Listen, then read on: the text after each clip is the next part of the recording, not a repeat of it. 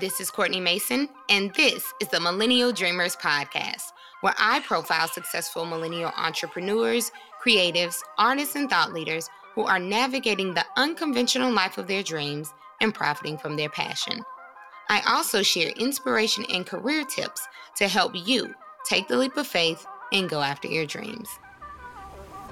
I've said this before, but I'll say it again. There are a number of industries in which there is simply not enough diversity. The craft beer brewing industry happens to be one of them.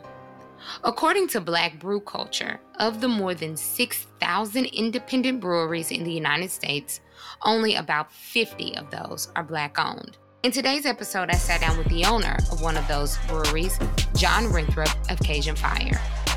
We talk about why he chose the craft beer industry, misconceptions about it, the lack of diversity within it, Cajun Fire's multi million dollar land development project in New Orleans East, Louisiana, and so much more.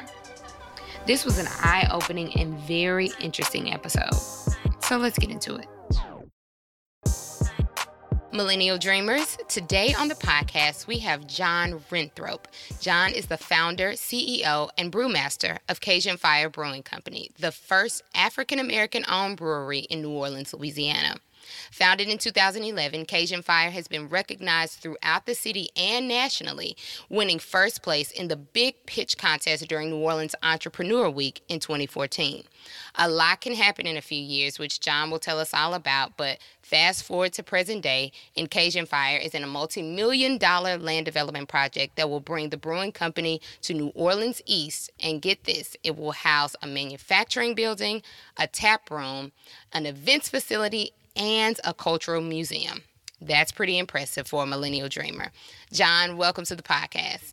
Uh, thank you for having me, Courtney. I appreciate the uh, opportunity to uh, share my story with you. Absolutely. And it's always my goal to have what I call dreamers, whether entrepreneurs or not, from a wide variety of industries on to like just talk about what their journey looks like. And so there very, very few brewing companies owned by African Americans throughout the country. So, needless to say, I'm excited and intrigued to talk about Cajun Fire and just get a better understanding of the brewing industry in general. So, for our listeners who are unfamiliar with you and your company, give them a glimpse into your background. All right, I'll see what I can unpack. Um, so I guess my background, that was an amazing introduction. My, uh, my background, I'm a New Orleans native. I was born and raised in New Orleans East. Uh, born in '88, so that makes me 31 now as of this, as of this recording. Um, you know, I was affected by Hurricane Katrina. I went through uh, St. St. Augustine, graduated. My senior year is when I was actually when Katrina hit. Um, so I was displaced, and uh, I think that's when my growth and development into the person I am today uh, started to manifest itself. Um, graduated, went to the University of Florida. Uh, fortunate enough, I was able to get an academic scholarship to that school through a partnership program. I went there, I did my Florida a little bit over almost five years. Mm-hmm. Undergrad, I got a BA in political science, a minor in environmental studies. Uh, moved back to the city. Uh, I was definitely determined to move back to my city and, and make a, uh, a positive impact. I didn't want to be a product of brain drain. I wanted to go into uh, environmental politics to uh, protect uh, assets and protect our infrastructure, and wind up, you know, going into brewing. So it was left field. It wasn't really nothing um, in my my you know studies or anything like that. I just so happened to pick up while in college uh, uh, a desire to go into culinary. So when I moved to uh, Gainesville, Florida, you know, the, the food wasn't all that. I had uh, I had all these gumbo pots and aspirations to want to go into the culinary side of things, but I just never took took on that drive. So my interest kind of shifted to actually producing craft beer. I tasted out a couple craft beers, and uh, to all that's listening, craft beer is like a niche of beer. Um, it just uses more premium um, products as, as far as ingredients. Uh, so you don't have like any flavor enhancing adjuncts. You don't have any kind of corn based, more so like grains, almost similar to how you make a tea. Uh, but long story short, I studied a lot of YouTube videos in college, was making my own brews, um, was sharing it with different people. I was a member of Kappa Alpha Psi Fraternity. Well, I still am a member of Kappa Alpha Psi Fraternity Incorporated. I was sharing my products with a lot of my friends, my fraternity brothers, my roommates, and I uh, moved back to the city, partnered up with my business partners. uh, some family, some friends. Uh, one being Adam Dawson, my brother Jamal Renthrope, my wife Courtney Wilson, uh, who's now Courtney Wilson Renthrope, and Paul Taylor. And uh, yeah, we we started really creating a company that we uh, wanted to be sustainable and create jobs. And um, that's kind of what we've been at, and that's where we are right now. Nice. Well, that actually answers one of the questions that I had previously because I'm thinking, um, you, what did you go into college deciding that you wanted to do? And you said you wanted to be an environment or go into environmental politics because I'm thinking like, did you start out knowing that this was the the direction that you wanted to go in? So that's very interesting that you kind of shifted gears like midway through like mm. so did you was it like the coursework that wasn't as interesting to you or you just found that culinary um, interests you more um, different pursuits in terms of culinary uh, pursuits and brewing and things like that it's it's always i mean i definitely at the time um, you know political science all i was studying was louisiana politics i'm in florida so i mean it was always interesting and, and at times it was definitely disheartening to be, you know, the only person in the class surrounded by Floridians, as I call them. and you, uh, you're studying literally New Orleans politics because most of the time when they study in Louisiana, they study in New Orleans. So I mean, you know, the '90s it was a hotbed of all kind of activity in New Orleans, and uh, they definitely studied in these different schools. And um, you know, I was I was I was excelling because I, I knew and understood the culture behind a lot of the things in, in politics that was in play. And what it what I realized is, you know, uh, and I'm sure other politicians and and people that's that's engaged in that can see is New Orleans definitely sets trends uh, that the nation follows mm-hmm. when it comes to any kind of reform, uh, even like uh, with the charter schools initiatives and things like that. I mean, if you're not paying attention with all the different celebrations that's going around you, you can miss that, and it's almost like a sleight of hand. So you know, when my my mission was to come back to the city and make a, a sustainable impact, something that can be felt and something that's tangible. And um, you know, I didn't I didn't want to play the games as far as uh, getting into the different campaigns, engagements. Um, I didn't really want to necessarily climb a ladder and you know have to go through those different rounds. So I, I chose to use my talents and put that in the form of a product.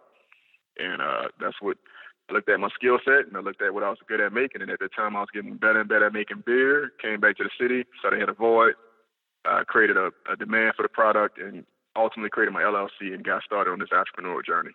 Nice. And there definitely is a void and I don't think just just in New Orleans but even nationally because craft beer brewing is not an industry that's just saturated with black and brown business owners because generally the consumers of craft beers are predominantly white consumers, right? So, do you think that's a reason why there aren't as many black owned business owners that are are going into the craft beer industry?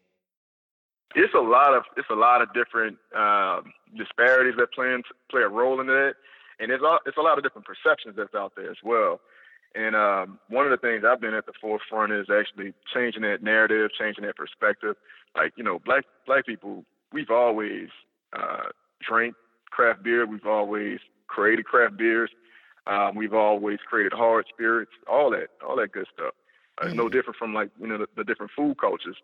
But unfortunately, due to the narrative and also the lack of ownership, uh, that story doesn't get told. Um, and that's that's pretty much what I'm at the forefront of. And you know, just to kind of give the, the listeners just a per, perspective on just how much of a disparate uh, industry is when it comes to ownership. Right now, um, there's 7,300 breweries in the nation and counting. There's about three that pop up every day um, somewhere in the U.S. And at the moment, last time I checked, uh, took a pulse of the nation as far as black ownership. It's only 17 companies that have any black ownership, and I'm included in that number. Wow. So, I mean, it's um, and when I first started, it was only five, um, and that's in history. So I mean, you know, started the company in 2011. That's when it became an LLC. At the time, we became the first, uh, the fifth uh, black-owned brewery in the nation's history. Um, the only one that was still in existence when I came in the fold was a uh, Harlem Brewing Company, um, you know, just reaching out to trying to find mentorship, that was hard because, you know, nobody really wanted to actually, you know, I had no facial hair, I look young as hell. um, I, you know, I don't think people want to take me serious about my, my desire to start a company like that, uh, given, you know, how much, how capital intensive it is, how much of a, development of time it is. And so I had to pretty much find mentorship from those who would give it and ultimately make my own lane and also uh, create the narrative that yes, black people do appreciate this product. Yes, black people do um, purchase this product. And um, you know, I mean, considering that uh, just about everybody uncle and you know family reunion and, and whatever uh, you see Heineken's, that's a craft beer. You know, mm. you, you, know, you see these. Uh, yeah, so I mean, the narrative about you know black people not um, consuming craft beer is a, a farce because actually we contribute to 20%, if not more, of export volume sales uh, for a population that's around 10% of the national population. Gotcha. So, you know, and you know yeah. what? That's true because, well, I'm definitely not like a beer aficionado. Like I don't know the different types of beer, right? But when I go home to North Louisiana, what I find is like when we are at my grandmother's house because that's like the hub for the family. Everyone goes to my grandmother's mm-hmm. house, and w- there you'll find, um, you know, I just drink whatever anybody recommends to me. Or, puts in front of me in terms of like beers if if my aunts and uncles and everyone's drinking it and we'll drink like Michelob Ultras or something. Or my grandmother she only drinks Milwaukee Best which I don't know if anyone drinks Milwaukee Best still but my grandmother. And so I'm like I'm who drinks this? So you know uh it's just that is it is a culture that we drink beer right. but i think um i'm not sure of like you know the differences between like your malt beers or you know in crafts and things like that. So can you give like a for like a novice beer drinker um, what are some like subtle differences between the types of beer um, that are out there and that even just that cajun fire produces um, gotcha. that we should kind of be aware of? Well i start by saying this you know everything has its place. Um, so i mean if it's a light beer if it's a malty beer if it's more of a uh, like an all grain based beer, which pretty much is a beer that has a stronger body to it. Um, they all have their place, and it, it's all about the user preference. So I mean, let's let's let's talk about malt liquor. So malt liquor, you know, it has that that connotation that it was pretty much a brown bag kind of kind of drink. Mm-hmm. When malt liquor first came out, you know, almost like how oysters was considered uh, trash and now they're a delicacy. Mm-hmm. Malt liquor was a delicacy because it's nowhere to hide uh, all flavors in malt liquor. Uh, it, or even like Miller Light, Miller High Light. I mean, it's a it's a beer that that doesn't require many ingredients, but in that simplicity, it is a complex beverage to make. So I mean, these beverages that you know was marketed to with you know Billy Dee Williams. Everybody remember the commercials back in the day with Colt 45. It was like um, works every time. Them type of commercials, like mm-hmm. the, the 70s era and all that those those malt liquors was actually um, preference um, of like the, the social elites back in the day.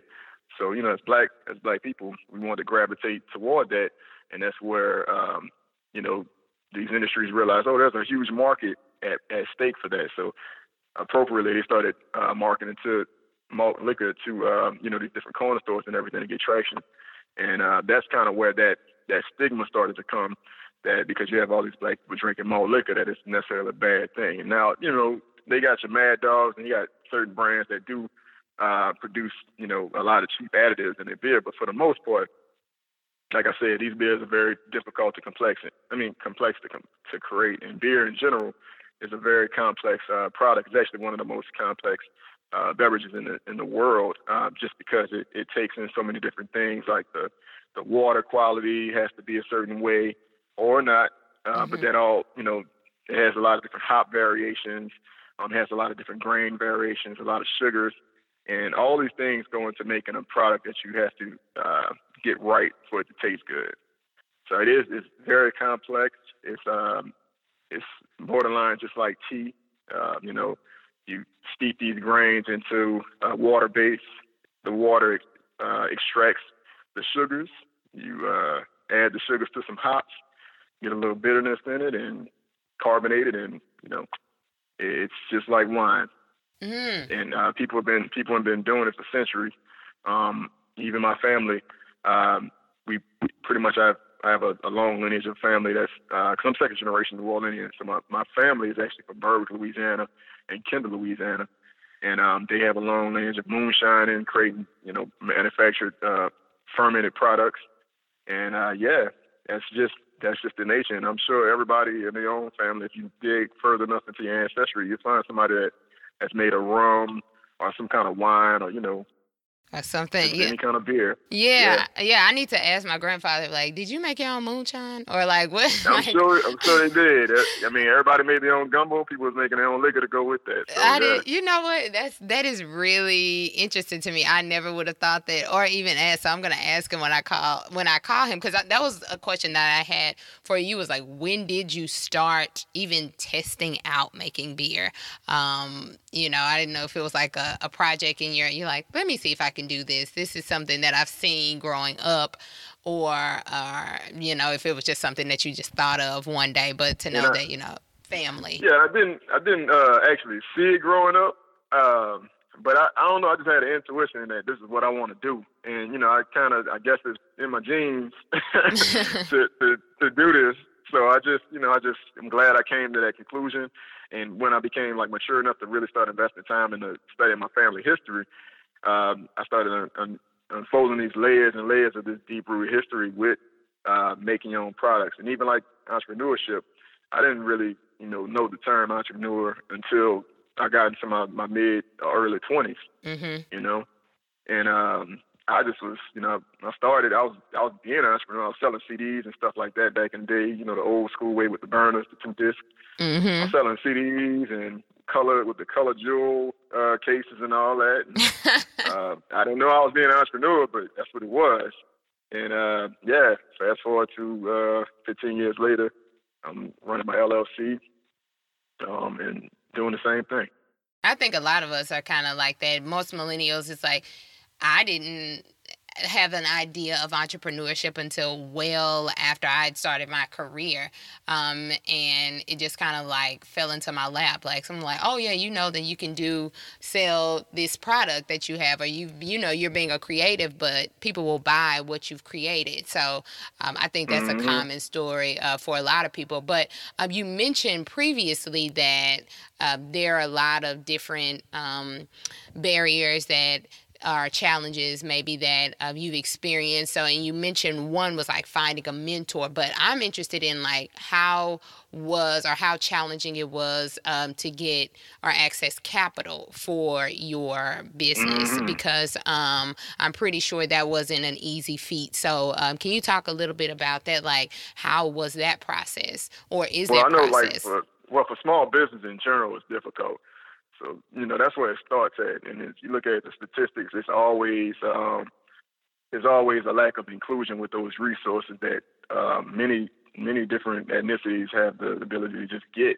Um, and you know that that is a daunting understanding. Like even once you understand the nature of that, um, it is daunting to keep on continue. Because make no mistake about it, I'm always I'm still in a situation where I'm, I'm constantly uh, having to seek different resources in the form of capital. Mm-hmm. And uh, you know, with me developing a manufacturing facility, it's like you know, it's like Groundhog Day.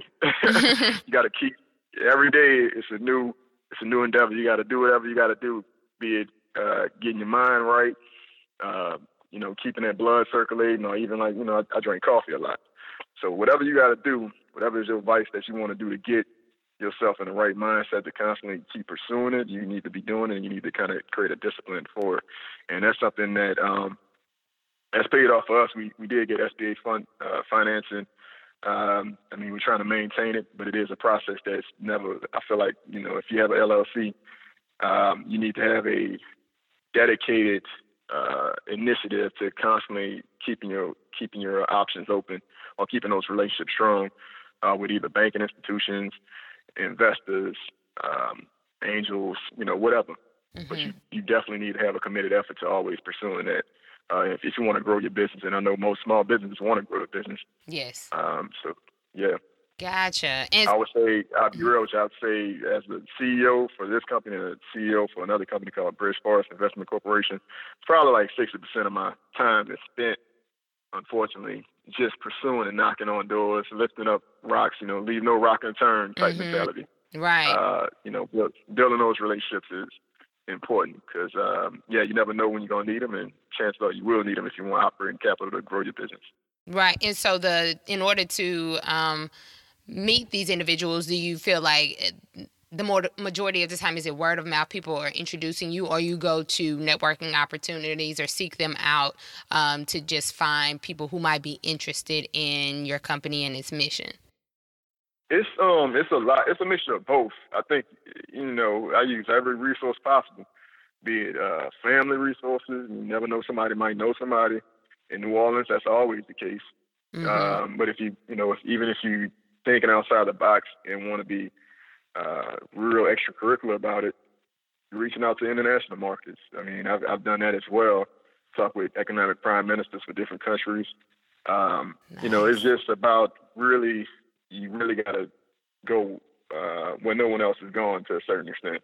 Mm-hmm. And um, yeah, that's that's. There's no. I don't think there's no one way to do it. Um, and if there is, I, I want you to share that with me. I know you talked to a lot of different professionals, so look, maybe I'm, I might Yeah, I'm gathering yeah. the intel um, myself because I think I, the main thing that a lot of people are saying is get creative. Like there's no one way, like you mentioned, uh, to do it and yeah. to find it, but it's it's just a matter of getting creative and, and putting yourself out there. Right, and that and that creative, that creative like nature about it. You know, you got to get creative, but you also got to get intentional and strategic. Mm-hmm. I mean, there's only so much there's only so much labor that you can commit, or so much of a net that you can throw. Uh, so you want to make sure when you do put your efforts into something, it's very strategic, it's very deliberate, and it has an intentional result that is going to get back to you. Yes, absolutely.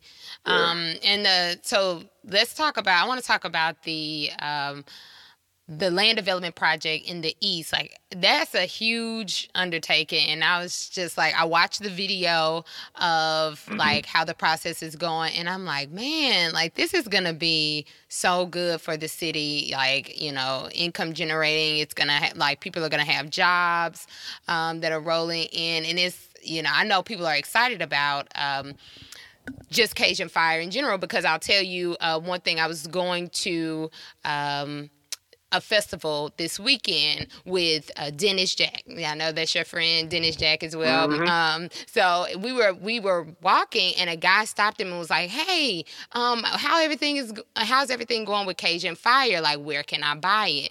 Um, and so he was just kind of like giving them more information about the process of the manufacturing company and these. So I'll just say that people are like walk want to know where they can can patronize Cajun Fire. So I think it's going to be like an amazing thing. But uh, just to get back to that, I want to share that with you because I was like, oh, I'll be talking to Jon um, this week. So well, uh, so it was interesting.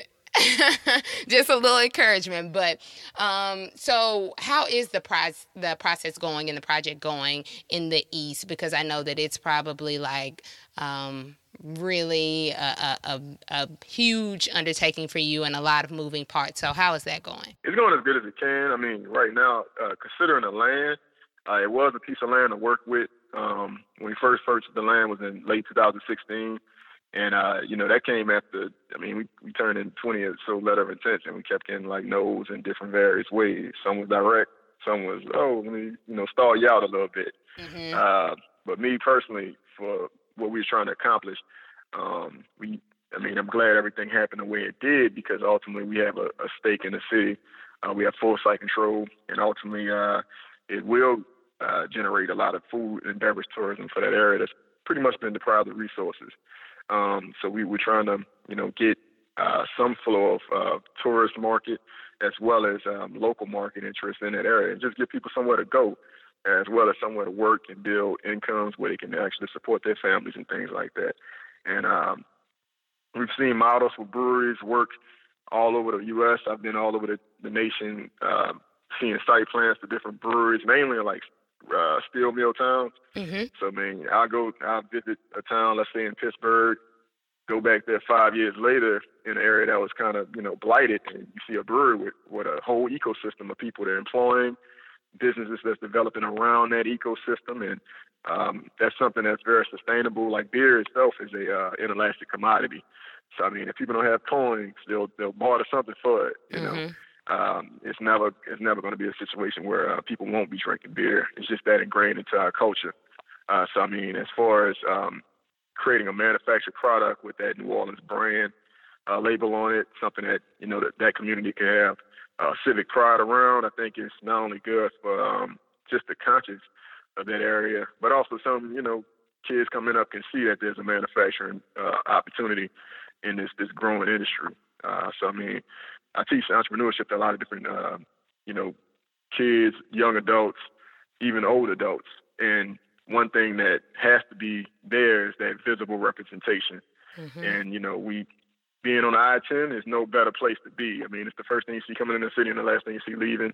It's uh, 10 acres, and we pretty much clean that land off where it's uh, good right now, but it, will definitely look very, um, very scenic once once uh, completion is done. I mean, that that visibility is uh, definitely needed.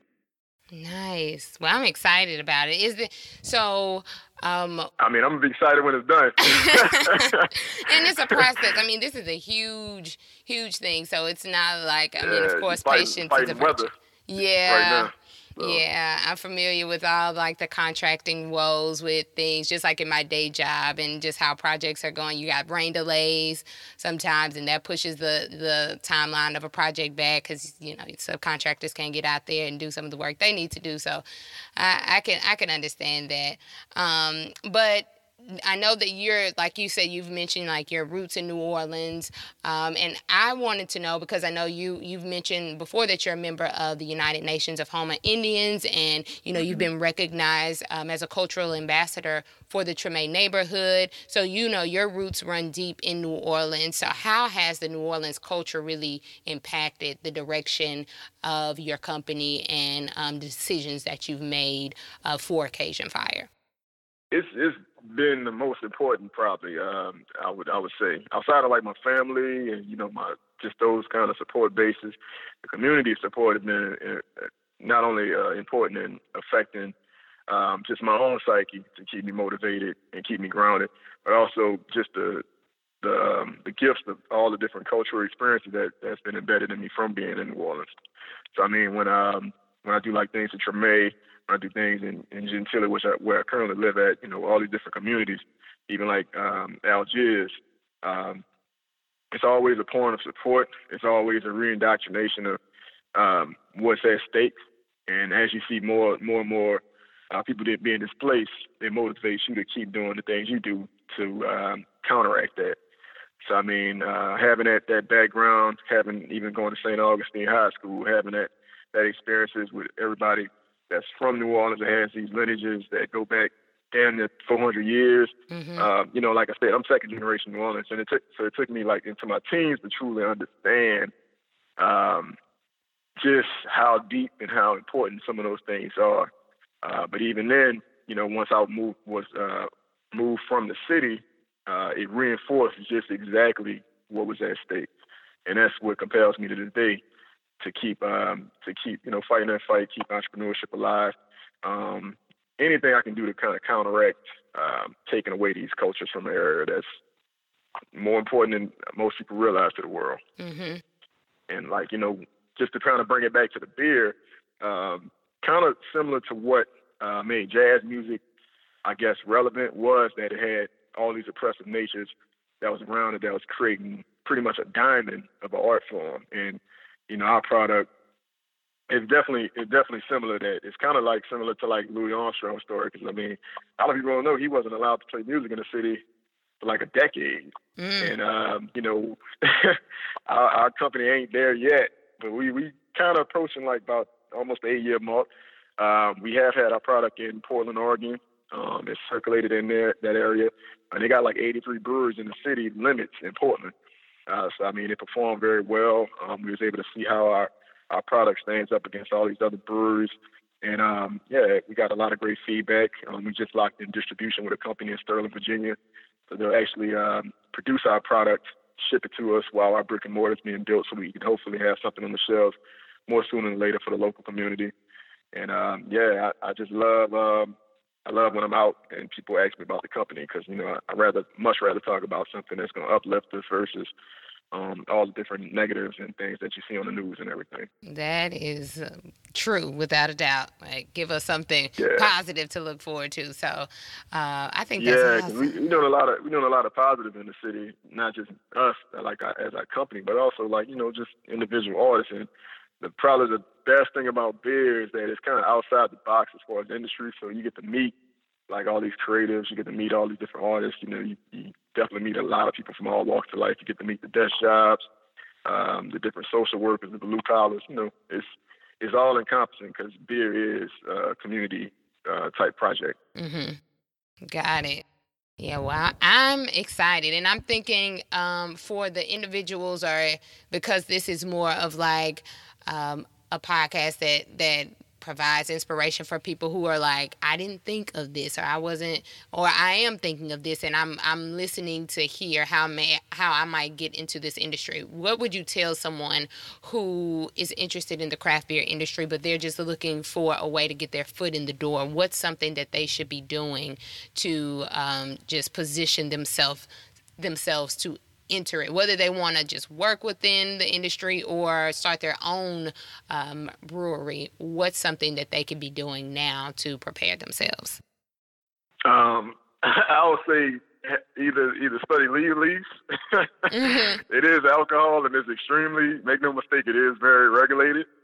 Um, but yeah, try to try to get yourself you, you know legally acclimated to the different uh, things that each state has. Each state is its own monster. So I mean, you have to learn how to navigate those those different uh, stipulations.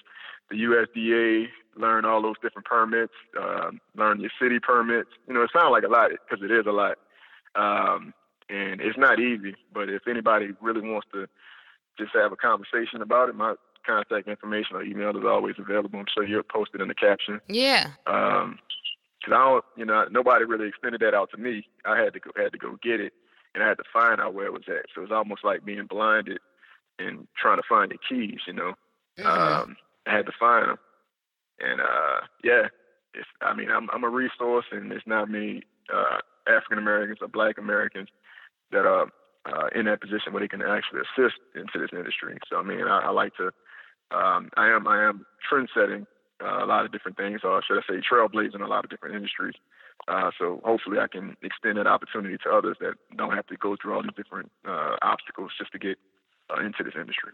Absolutely, that's dope. I appreciate that as well because it's it's true. It's for whatever industry that that um, anyone is in or interested in. There's a lot of times you have to do your own research and kind of figure things out on your own. But a lot of the guests that come on say basically like you need a mentor. You need someone mm-hmm. that can help you understand um, how to get ahead, so you're not working backwards and you're not just kind of like spending a lot of your energy and you're not getting getting any traction or, or making making any traction rather. And so um, I appreciate that you're, you know, would extend yourself. But I, the very last question that I um, asked before I, I will ask for your information is just what's some general advice that you can give anyone who is like pursuing a dream, um, who's like, I want to do this thing that is unconventional. My, you know, I don't have any friends or family that have maybe gone this untraditional route, but it's something that I want to do, but I'm a little um, apprehensive about it. Uh, what would you tell them in order to give them just a little inspiration to to keep going and um, and do uh, what they're interested in doing? Um, I would say just you know just be prepared. Like you know, you gotta you gotta be right in your mind. So you gotta be. It's a lot of internal things as well as external. And I think a lot of people like when they they might go into entrepreneurship, um, they might just be looking at the pros. You have to, you know, you have to have work-life balance. You got to manage the pros and the cons.